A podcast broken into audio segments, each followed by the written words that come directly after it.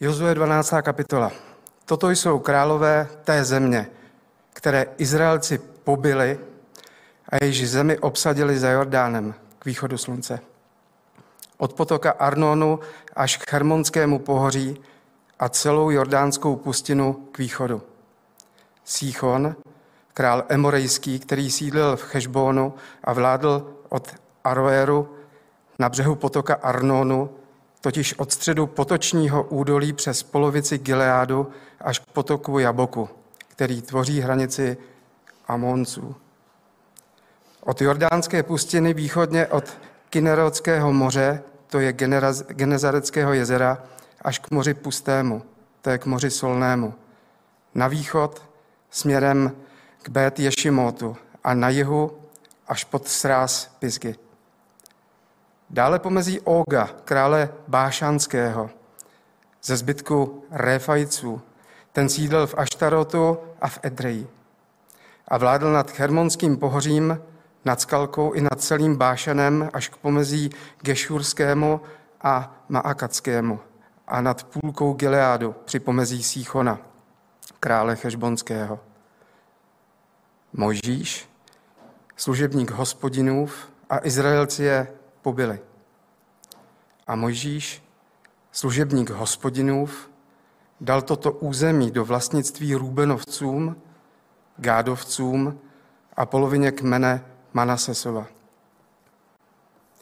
A toto jsou králové té země, které pobil Jozue a Izraelci na západ od Jordánu. Od Bálgádu na planině Libanonské až k Lisé hoře, zvedající se k Seíru. Jozue ji dal do vlastnictví izraelským kmenům podle toho, jak byly rozděleny. V pohoří i přímořské nížině, v jordánské pustině i na srázech, v poušti v Negebu, mezi Chetejci, Emorejci, Kenánci, Perizejci, Chívejci a Jebuzejci. Král Jerišský, jeden. Král Ajský při Bételu, jeden. Král Jeruzalemský, jeden. Král Hebronský, jeden. Král Jarmůcký, jeden. Král Lakýský, jeden. Král Eglonský, jeden. Král Gezerský, jeden. Král Debírský, jeden. Král Gederský, jeden. Král Chormský, jeden. Král Aradský, jeden. Král Libenský, jeden. Král Adulámský, jeden. Král Makecký, jeden. Král Bételský, jeden. Král Tapuašský, jeden. Král Cheferský, jeden. Král Afecký, jeden. Král Šáronský, jeden. Král Mádonský, jeden. Král Chásorský, jeden. Král Šimronsko-Meronský, jeden. Král Akšavský, jeden. Král Taanacký, jeden. Král Megický, jeden král Kedešský jeden, král Joknoámský pod Karmelem jeden. Král Dorský z Dorské pahorkatiny jeden. Král pro národů z Gilgálu jeden. Král Tyrský jeden. Všech králů 31. Amen. Můžeme se posadit, prosím.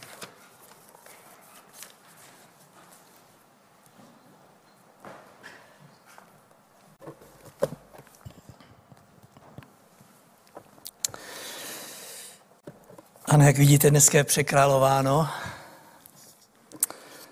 Mnohokrát zaznělo jméno král, název král, titul. A jistě, když se řekne král, tak se nám vybaví někdo, kdo má moc, někdo, kdo to drží pevně v rukách, někdo, kdo eh, všechno ovládá. Ale jak víte, i s ohledem na dobu, kterou právě žijeme, všechna tato moc lidská zdá se být hodně krátká na všechno to, co se děje, všechna ta sláva, která je spojená s královstvími, jako tráva, která mizí a už jí není. A tak jsem rád, že z toho všeho nás náš Bůh vytrhuje a staví nás na něco pevného, a to na království, to věčné, které nikdy nepomine. Mám radost, že opět se dostáváme do zaslíbené země a že i ze všech těch míst, kde běhají naše myšlenky v této chvíli, se můžeme v zaslíbené zemi na chviličku pozastavit a žasnout nad tím, co jsem právě před chvíli řekl, nad mocí našeho Boha, toho věčného krále, který vládl, vládne a jehož vláda bude až na věky věku. A tak vítejte, je zde eh, stejný eh, nápis Zaslíbená země, stejný jako v minulých pátečních jedenácti biblických hodinách, ale je to obrovský projev nově boží milosti, které smíme dnes, kterou smíme dnes opět objevovat v této eh, kapitole. Bratr už o ní řekl, že je krásná, i když je složitá. A já věřím, že i z toho všeho poselství vezmeme tolik potřebný užitek. A tak vám přeji, milí posluchači, bratři a sestry, vy, kteří jste tady, vy, kteří jste doma, můj hojnost Božího požehnání. Jistě si v tuhle chvíli neuděláme chybu, když si řekneme, že tahle kapitola eh, spadá do oblasti těch těžších kapitol, které vykladači písma velmi rychle přeskočí, protože ve skutečnosti eh, nepřináší eh, do tohoto našeho děje v Kenánu téměř nic nového. Pouze pokud jste byli pozorní, opakuje to, co se událo v kapitolách minulých. Ale my nepřeskočíme, protože, jak jistě víte, opakování nikdy nikomu ještě neuškodilo. Je pravda, že to považujeme častokrát za ztrátu času, ale i v našem světě se říká, že opakování je matka moudrosti. A tak pojďme k této matce moudrosti tím, že se tímto opakovacím poselstvím posuneme tam, kam nás chce tento král králu a pán pánu mít. Já spolu s vámi hodlám vyzvednout pár velmi důležitých informací z této kapitoly. Určitě vás napadly jiné a, a teď, když to bratr tak četl a já jsem tomu poslouchal, tak mi to napadlo spoustu jiných věcí, ale ty snad někdy příště. Věřím, že i vás napadly jiné, ale já si spolu s vámi vyzvednu několik takových důležitých informací z této kapitoly a tou první je právě ona rekapitulace toho, co je za námi. Skutečně 12. kapitola, když eh, se na ní podíváte pozorně, je ohlednutím se naspět na to, co už bylo. Víte, jako boží lid někdy děláme tu chybu, že se zapomínáme dívat naspět.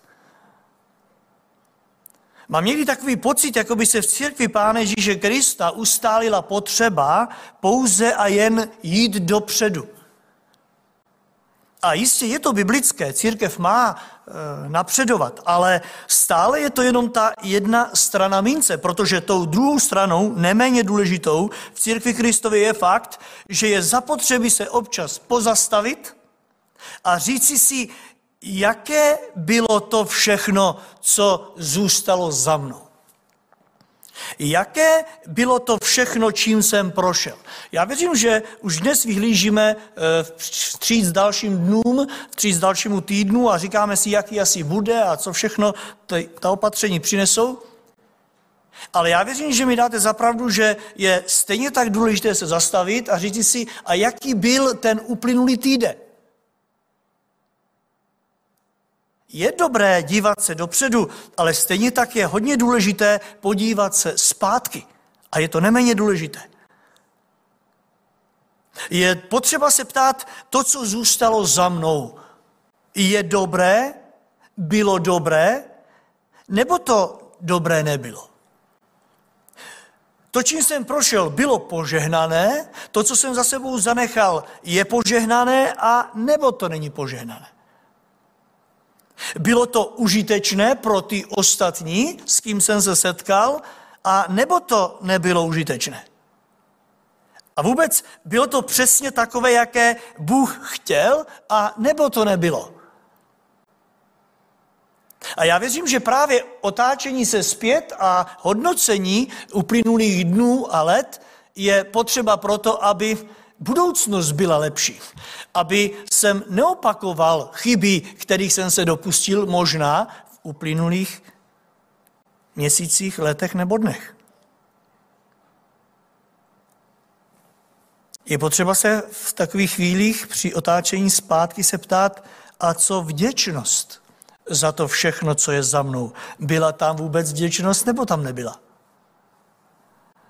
Víte, přichází mi v tuto chvíli na mysli ona událost, která se vyplatila jednému králi a pro jeho život to opravdu bylo požehnání, a nejenom pro jeho život, ale tím, že se on otáčel zpátky, tím, že se on zamýšlel nad tím, co prošlo, tak byl požehnáním i pro celý národ. Mám na mysli krále Achašveroše za doby eh, královny Ester. Kniha Ester v 6. kapitole v první eh, verši říká, cituji, onen spánek od krále, oné nocí spánek od krále prchal. Jednou večer si šel král Achašveroš lehnout, jenomže znáte, to jsou noci, kdy prostě nemůžete spát. Cituji dál, poručil tedy, aby mu přinesli no nějaké tablety na spaní, ne? Tak to děláme, nemůžu usnout, tak to něčím dorazím. Dnes mnozí, když nemůžou usnout, lidé ze světa tak si donesou láhev alkoholu a usnout se musí přece, ne? Podívejte se, co udělal tento král. Poručil tedy, aby přinesli knihu letopisů, památných událostí a ty byly králi předčítány. Němejte, aby mu přečítali to, co se odehrálo v uplynulém čase. Našel se ale zápis, jak Mardokaj oznámil na Biktanu a Tereše, dva královi dvořany, ze strážců Prahu, a že chtěli na krále Achašveroše vstáhnout ruku. Král se otázal, jaká podsta a jaké povýšení byly za to Mardokajovi uděleny. Královští panoši, kteří ho obsluhovali, odvětili, nedostal vůbec nic. Všimněte si, až neprospatá noc, kdy král přemýšlí nad vším, co bylo, dojde k tomu, že má jakési nesplacené účty. Eh, mohl, když už nemohl spát, tak mohl přemýšlet, eh, co v budoucnu udělá, jaké eh, budou budoucí dny a léta jeho králování, mohl plánovat, co postaví, co zboří. Všimněte si, on nejde do budoucnosti v prvé řadě, on, když nemůže spát, přemýšlí nad tím, co bylo a když si nemůže vzpomenout, nechá si přinést knihu, ve které byly zápisy a tam se našlo, že má jakési nesplacené účty. Víte, stejně tak v tomhle směru. Eh, Bible v polovině této eh, knihy Jozue, jsme u 12. kapitoly a má 24, všimněte si, písmo dělá jakousi přestávku na rekapitulaci toho, co Bůh pro svůj lid udělal. Ano, je to tady už napsané, ale 12. kapitola to znovu opakuje. Jednoduše tady vyjmenovává všechna vítězství, která Izrael obdržel. Tato kapitola začínala slovy, toto pak jsou králové té země, které Izraelci pobili a jejíž země obsadili. A následně to pokračuje vítězstvím, které Bůh daroval božímu lidu už za dob Mojžíše a pokračuje vítězstvím, které jim dal za doby Jozua. A že jich nebylo málo. Stačí se ptát, uvědomoval si to boží lid do té doby? A nebo to bral jako samozřejmost? Nebo opojen jedním vítězstvím za druhým, to ani nepočítal. Tady bratr citoval, ten král jeden, ten jeden. Jestli pak je měl spočítané Izrael. Víte, poznáme to každý sám podle sebe. Jak moc počítáme Boží požehnání, jak moc počítáme vítězství na cestě víry. Dokud nám pán žehná, zdá se, jdeme dál bez zastávky. Hlavně, že to sype. Jedno požehnání za druhým přichází častokrát do našich životů a jako by se ani nechumelilo. Vstříc novým a novým. Jdeme. Málo kdy se zastavíme a řekneme si, pojďme si zrekapitulovat všechno, co jsme od pána dostali. Vzpomínáte na žalmistu 103. žalmu? On v tom druhém verši píše, dobrořeč má duše hospodinu, pojďme si to říct všichni, a nezapomínej na žádná jeho dobrodiní. Víte, abyste nezapomněl na žádné dobrodiní, to je potřeba evidovat. Protože my zapomínáme. My, když Pán Bůh nám žehná a, a zahrnuje nás svým požehnáním, jak nezapomenout na žádné? On neříká jenom na některé, ale na žádné. Nezapomeň na nic. Možná, že už nastal v životě mém a našem některých starších čas, abychom si to zapisovali. Král tento pohanský, o kterém jsme před chvíli si vyprávěli, on si to zapisoval. Měl na to lidi. A tak, pokud se to nechce zapisovat nám, pověřme si někoho. Ať, ať to zapisuje.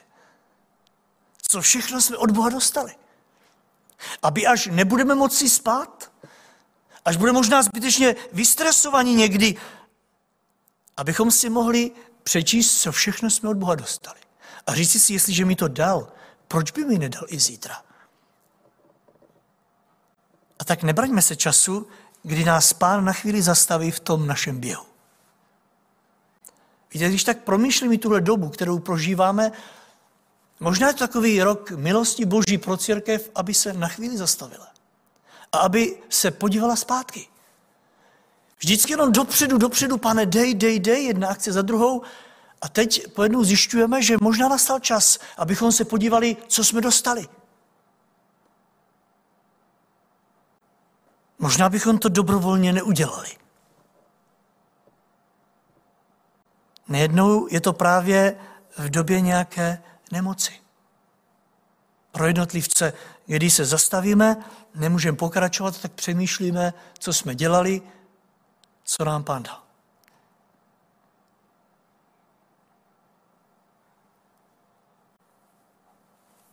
A jak vidíte, v tom je nejednou ukryto víc požehnání, než kdybychom byli zdraví a v běhu. Pojednou je spousta času a snad i vhledu do dané situace. Pojednou vše vidíme jakoby jinýma očima. A to očima vděčnosti.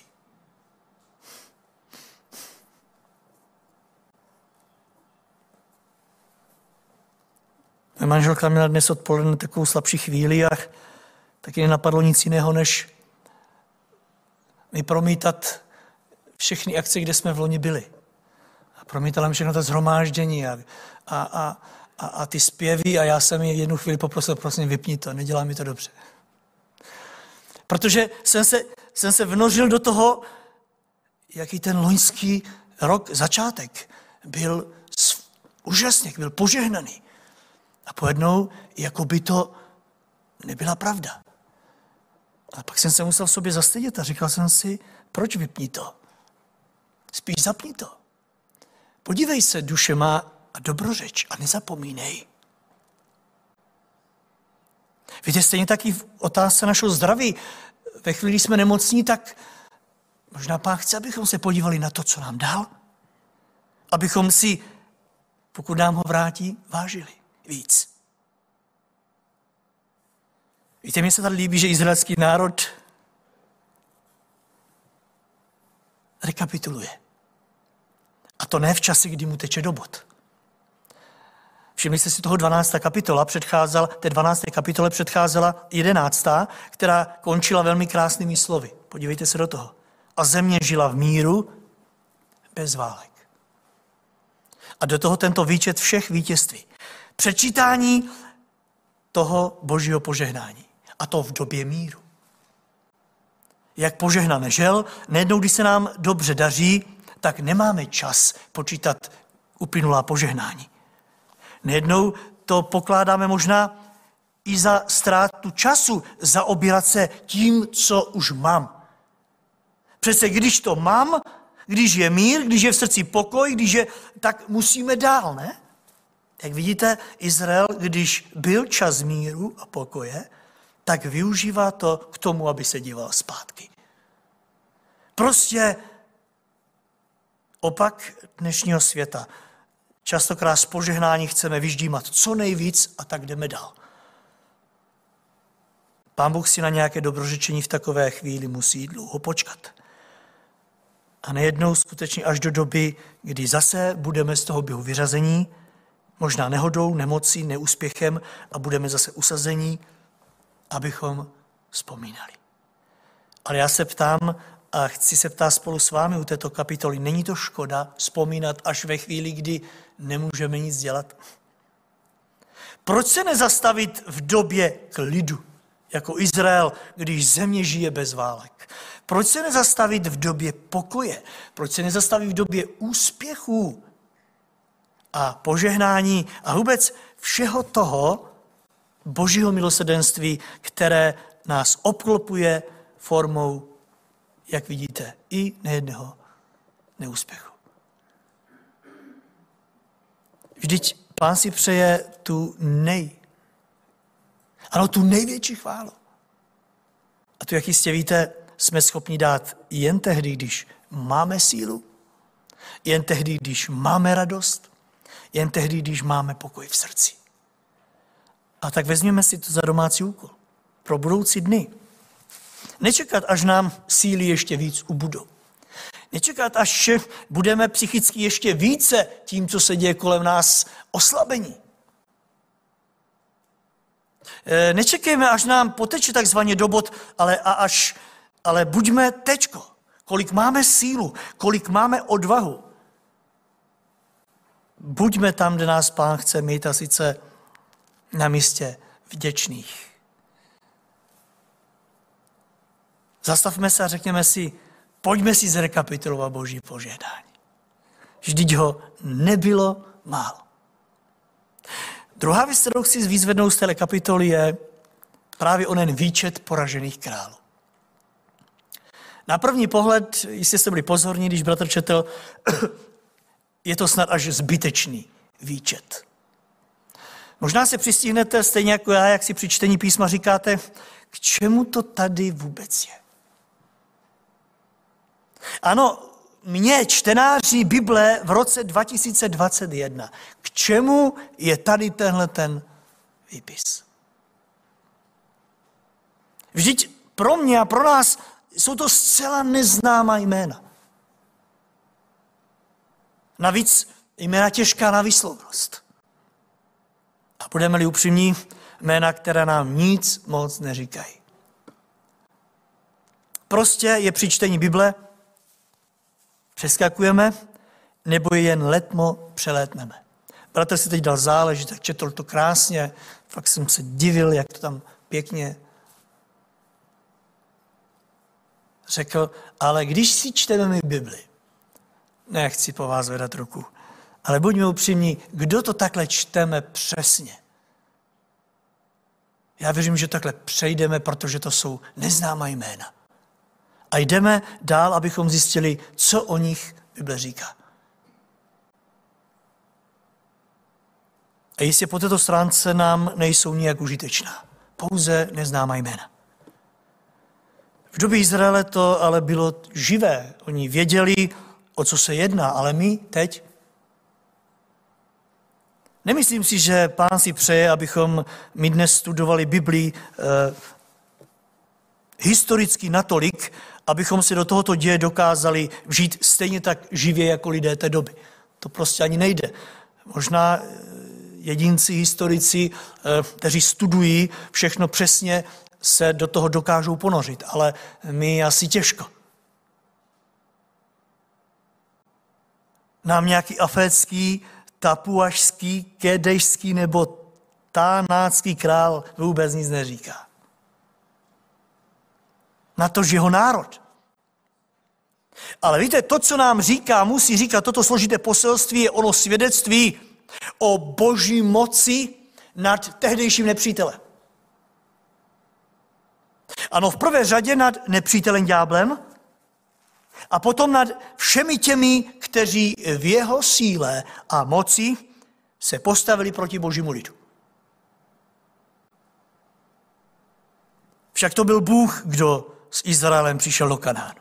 Byl to on, kdo je tam uvedl, byl to on, kdo šel před nimi a byl to on, kdo se s ďáblem utkal v první linii.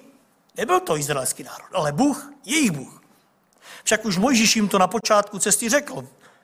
Druhé Mojžíšové 14. kapitole 14. verši říká, hospodin bude bojovat za vás a vy budete jenom mlčký přihlížet.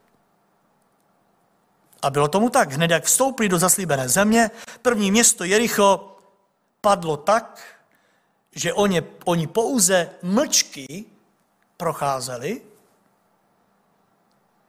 a hospodin za ně bojoval. Bořil hradby, jako kdyby byly z nějaké slámy. Ale v tom výčtu dnešní kapitole čteme devátý verš. Jeríšský král mezi poraženými jeden. Můžete si ho odškrtnout, Izraeli.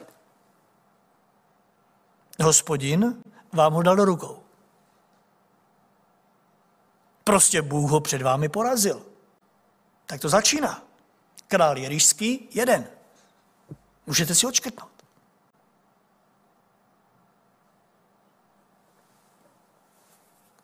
Jistě, když tak o tom přemýšleli oni tehdy, bylo to určitě živé, bylo to mocnější než my teď, protože oni věděli možná, jak vypadá, znali jeho moc, znali jeho zbraně, znali jeho opevnění města, znali jeho slávu. Ale pojďme jim mít tak, jak ho známe. Tak nám to Bible předkládá, tak, jak ho znáš ty. Nám ho taky Bůh dal čtenářům Bible z částky poznat. Podívejte se do druhé kapitoly Jozue, druhý verš říká, králi Jericha bylo ohlášeno. Tam se poprvé setkáváme s tímto mužem, kterému uchu, k jeho sluchu se dostalo toto. V noci sem přišli nějací izraelští muži, aby obhlédli zemi. Co s tím budeš dělat?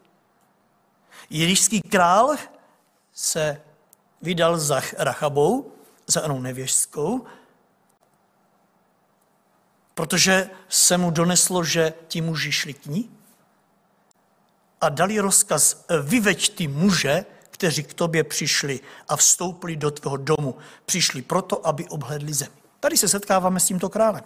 S jeho rozhodnutím. A vidíme, jak tady tento král vystupuje suverénně. Tady vidíme jeho suverenost. Prostě si věřil. Byl stále v pozici toho, kdo rozkazoval. A i když o izraelském bohu věděl, Rachab to prozradila z vědům, že král o nich ví a celé město o nich ví. I když měl z izraelského boha strach, i slyšel, co izraelský Bůh udělal s okolními národy a viděl, že teď je na řadě on, on stále vystupuje suverénně a tvrdě jde proti Izraeli. Ne tak Rachab. Ona dokázala, že je moudřejší než její král. Bible to dává krásně takhle najevo. Rachab, žena toho pofidetního povolání, byla v tu chvíli moudřejší než její král, který měl určitě školy, měl zkušenosti. A teď podívejte, ona v době, o které tady čteme, je mezi zachráněnými, je v Izraeli zachráněna, stejně tak celá její rodina. A jerišský král očkrtnutý jako mrtvý. Stejně tak celý jeho národ, který vydal na smrt. Stejně tak král Ajsky, Oni čteme v 8. kapitole 14. verši. Když pozoroval ajský král, že Jozue vytáhl s vojskem proti němu, oni všechny jeho lid, mužové města za časného jítra, rychle vytrhli do boje proti Izraeli v určený čas na okraj pustiny. A teď tam je slovo. Nevěděl však, že jsou proti ní, němu za městem zálohy. Chytrý král, moudrý král, z pohledu světa, ale záda si nehlídá. A navíc velmi nemoudře zavolal z města všechen lid, aniž by ho nechal hlídat. 16. ve říká, tu byl křikem přivolán všechen lid, který byl v městě, aby je pronásledoval. Pronásledoval Jozua a dali se od města odlákat a nechali ho otevřený. Nemoudrý to král, co říkáte? A víte, proč se zachoval takhle nemoudře? Protože se domníval, že to dopadne tak jako poprvé. Poprvé Izrael krásně odehnal, porazil, jenomže po druhé už to nebylo jako poprvé. A teď už dejme prostor Bohu Duchu Svatému, aby nám ukázal na tomto základě na to, co nás dnes tím chce naučit. Nemusíme eh, znát tohoto krále přesně. Stačí, když nám písmo vypíchne něco, co je k, naší, k našemu užitku. V tomto případě je to neopatrnost. Kdo z nás ji nezná ve svých životech?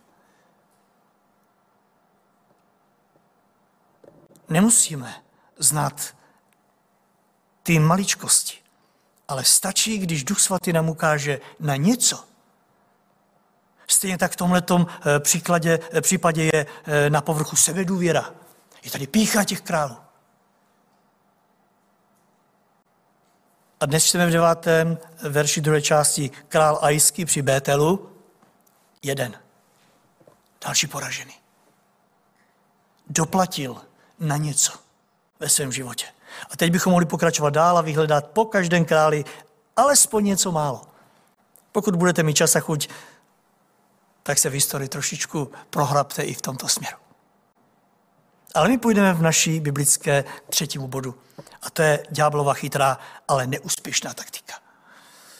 To je další velmi úžasná informace pro každého křesťana, které jsme si všimli během tohoto studia. Ale teď, když je čas na rekapitulaci, tak si to ještě chvíli pojďme přiblížit. Jde tu o skutečně velmi chytrou, cílenou a tvrdou taktiku, žel ale neúspěšnou. Zde je pár postřehů, na které nám poukazuje právě tento výčet poražených králů. Za prvé desátý verš čteme Adonisedek, král jeruzalémský. Vystupuje tady jako ďábův lídr, který dává dokupy pět národů a s nimi zautočí naprosto nemilosrdně na Izrael tím, že napadne jeho spojence Gibeon. Byl to hodně silný článek v ďáblově řetězcu. Dokázal dát dohromady pět králů v boji proti Izraeli. Šlo přesně o tyto krále, Jozue 10.3. Proto poslal Adonisedek, král jeruzalémský, vzkaz Hohamovi, králi Hebronskému, Piramovi, králi Jarmuckému, Jafiovi, králi Lakýšskému a Debírovi, králi Eglonskému. Přitáhněte mi na pomoc, ať porazíme Gibon, neboť uzavřel mír s Jozuem a s Izraelci. Na první pohled opět směs neznámých, nic neříkajících jmen, ale já se chci spolu s vámi pozastavit nad tím prvním, za kterým tento silný vojevůdce, je jeruzalemský král šel. Všimli jste si, kdo to byl? Hoham, král Hebronský. To nám už není tak cizí. Stejně tak Debíra, král Eglonský. Hlavně ne tehdy, když si řekneme, do jaké oblasti patřil. Já vám dám trošku eh, nápovědu. Četli jsme si o této oblasti minulý pátek v té 11. kapitole, 21. verši. Toho času přitáhl Jozue a vyhladil Anákovce z pohoří, z Hebronu a z Debíru. Z Anabu a z celého judského pohoří i z celého pohoří izraelského. Jozue vyhubil je i jejich města jako klate. Už jste se chytli? Co se vám vybaví, když se řekne Anákovec? Obr. Nechme promluvit čtvrtou Možíšovu, 13. kapitolu, 32. verš. Když se zvědové vrátili eh, od, eh, z té mise, kdy se měli podívat do zaslíbené země, pomluvami zhaněli Izraelcům zemí, kterou proskoumali. Řekli, země, kterou jsme při průzkumu prošli, je země, která požírá své obyvatele a všechen lid, který jsme v ní spatřili, jsou muži obrovité postavy. Viděli jsme tam zrudy a nákovci totiž patří ke zrudám. A zdálo se nám, že jsme nepatrní jako kobylky. V skutku jsme v jejich očích byli takoví. Celá pospolitost se pozdvihla, dali se do křiku a lid tu noc proplakal. Všichni Izraelci reptali pro ní Mojžišovi a Áronovi a celá pospolitost jim vyčítala, kež bychom byli zemřeli v zemi egyptské, nebo na této poušti, kež bychom zemřeli. Proč nás hospodin přivedl do této země? Tolik citace z písma, jenomže dnes v tom našem seznamu jmen, neboli lépe řečeno pomníků poražených králů, jsou oba tyto králové, včetně všech těch dalších spojených v této koalici. Už chápete, jaké požehnání se může stát i kapitola, která je plná neznámých jmen? Už tím, že Bůh svému lidu připomíná, že ty, kterých se tolik bál, ty, kvůli kterým se chtěl vrátit do Egypta, ti, kvůli kterým chtěl znovu do otroctví, ty, kvůli kterým chtěl umřít na poušti, kež bychom zemřeli, několikrát řekli, kež bychom tady zemřeli, ti, kvůli kterým už nechtěl žít, Bůh je tady vyjmenovává, jsou mezi těmi poraženými, mnou poraženými, pravý hospodin.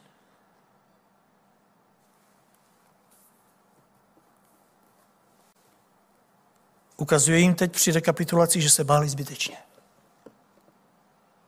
Bratře sestro, nechtěl bys dnes dovolit Duchu Svatému, aby ti ukázal, jak se bojíš a já s tebou mnohdy bez zbytečně?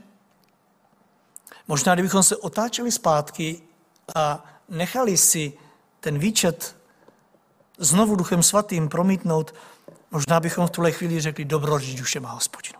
Nebylo se proč bát a nebude se proč bát, protože s námi je mocný Bůh. A navíc tam už stojí vedle nich Jozue, který to těm potomkům Izraele může dosvědčit. On byl totiž jeden z těch, kteří byli na výzvědách. A teď jim říká, vidíte to? Podívejte se, zrekapitulujme si ty krále. Kvůli ním jste chtěli jít zpátky. Oni jsou po smrti. Čeho se vaši otcové báli? Nenapodobujte je, už se nebojte. Tady je máte před sebou, máte tady pomník všech pěti z těch oblastí Anákovců. Jak úžasné je Boží slovo. Dále v 19. verši máme eh, krále Chásorského, Jabína. Vystupuje na tomto pomníku jako ďáblův další služebník. Ještě silnější než jeruzalemský. Víte, ďábel, jak vidíte, si nechával silnější na závěr. Když nepomohlo spojenectví koalici pěti národů, tak dal dohromady ještě silnější v čele s Jábinem.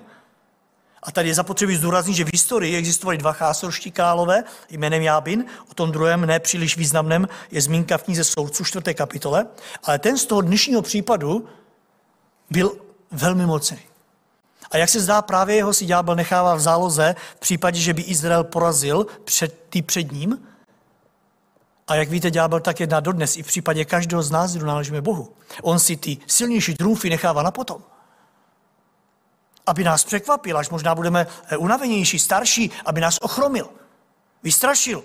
A žel nejednou právě tímhle porazí někdy silnějšího služebníka. Navíc král Chásorský měl obrovský vliv v té době. Měl charisma, byl velkým strategem, dokázal uzavřít spojenectví s 12 dalšími králi. V té době to nebylo nic, eh, nic tak jednoduchého. Lidé tehdy bojovali národ proti národu. Tento král ale je dokázal všechny spojit a říkali jsme si tady minule, že dal dohromady takové vojsko, že se podobalo čemu? Písku na břehu moře. Stejně tak měli obrovské e, množství e, konňů a vozů, obrovská přesila. Jenomže král Chásorský, 19. verš, též na pomníku poražených.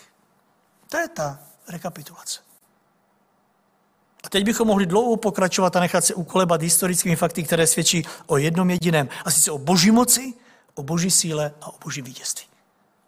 A tak se nebojíme, náš Bůh je nad všechny mocnosti na všechny pandemie, na všechny ďáblovy nástrahy, na všechny uzávěrky. Úplně nade vše. Ano, i o tom a hlavně o tom je tato nic neříkající kapitola plná cizíme. A ještě je tu jedna závěrečná myšlenka, kterou chci končit tuto biblickou. Ta vychází z 18. verše. Ať je nám tež na požehnání. 18. verš z té předešlé kapitoly, která nám tak trošku uzavírá, dává smysl toho, co tady čteme. Čteme, že se s všemi těmito krály vedl Jozue boje po dlouhá léta. Se všemi těmito 31 krály, které jsou tady poražení, na pomníku poražených, Jozue vedl boje po dlouhá léta.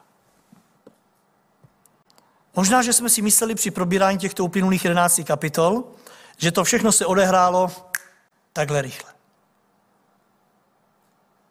Že tam vpadli jedno město hezky po druhý, někdy se zdálo, že deset měst porazili za jeden den, pak se šli odpočinout a znovu šli na to. Ale ve skutečnosti říká písmo, že to trvalo několik dlouhých let. V příštích kapitolách si rozvíme i přesně kolik let. Zůstaňme teď u několik dlouhých let. Proč to potřebujeme vědět, že to trvalo několik let? Bible říká dlouhá léta. Byly to dlouhé roky. Víte, rok, ve kterém probíhá válka, je dlouhý rok. Bojoval s nimi dlouhá léta. Proč to potřebuju toto vědět v této době? Možná proto, abych nechtěl od Boha všechno hned. Možná právě proto. Ať Duch Boží ukáže každému z vás, proč vy to potřebujete vědět. Ano, možná právě proto, abychom mimo jiné nechtěli všechno hned. Víte, pokud byla někdy církev Pána Ježíše netrpělivá, pak je to v této době. A já to poznám podle sebe.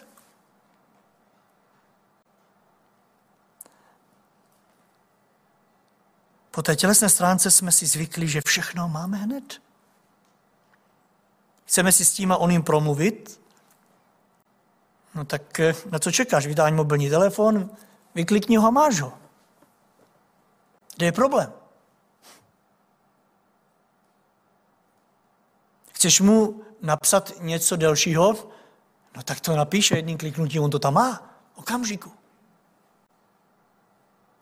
Chceš mu poznat, eh, poslat nějaký eh, balík? No tak existují rychlé služby, tak to pošli. Ano, žijeme takzvanou mikrovlnou dobu. Proto někdy i po té duchovní stránce reptáme, že to ono nejde podle našich rychlých představ. Víme, že Pán Ježíš má moc ďábla porazit, víme, že má moc dát naše nepřátele eh, na seznam poražených, na pomník Hany a opovržení, ale nějak se nám zdá, že to trvá moc dlouho. Vzpomeňte v takovýchto případech, až vám přijde tato ďáblová myšlenka na Jozua. Dlouhá léta. Dlouhá léta. Aby se mohl otočit za 31 králi. Dlouhá léta.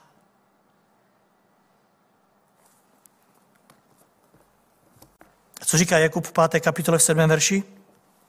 Buďte tedy, bratři, trpěliví. Až do kdy? Dokud neprojde covid, až do příchodu páně. Není to krásné? Buď trpělivý, bratře, sestro, až do Kristova příchodu. Cituji dál. Pohleďte, jak rolník čeká trpělivě na drahocenou úrodu země. Dokud se nedočká podzimního i jarního deště. I vy tedy trpělivě čekejte posilněte svá srdce, vždyť příchod páně je blízko. Ať pán požehná i těchto několik myšlenek, které věřím má moc ještě rozvinout v případě každého z nás těmi směry, kterými potřebujeme. Amen.